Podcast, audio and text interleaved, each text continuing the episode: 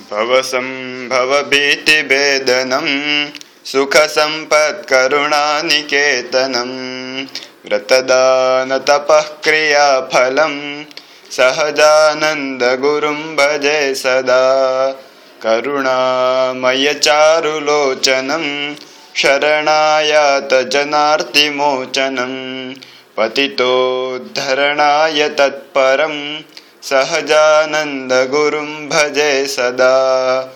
निजतत्त्वपथावबोधनं जनताया स्वत एव दुर्गमम् इति चिन्त्य गृहीतविग्रहं सहजानन्दगुरुं भजे सदा।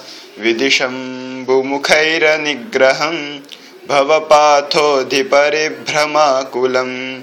अपि धार्यमनो नरप्रभम् सहजानन्दगुरुं भजे सदा। निजपादपयोजकीर्तनं सततं स्याद्भवजीवगोचरम् इति यः कुरुते क्रतुत्सवं सहजानन्दगुरुं भजे सदा।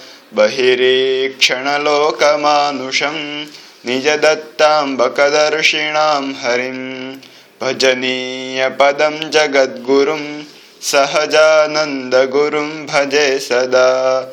शरणागतपापपर्वतं गणयित्वा न तदीयसद्गुणम् अणुमप्यतुलं हि मन्यते।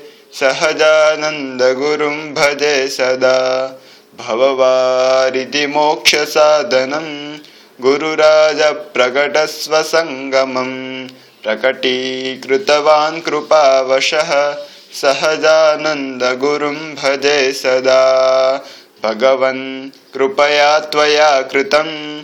जनतायामुपकारमीदृशं। क्षमते प्रतिकर्तुमत्र कः। कुरुते दीनजनस्ततोऽञ्जलिम्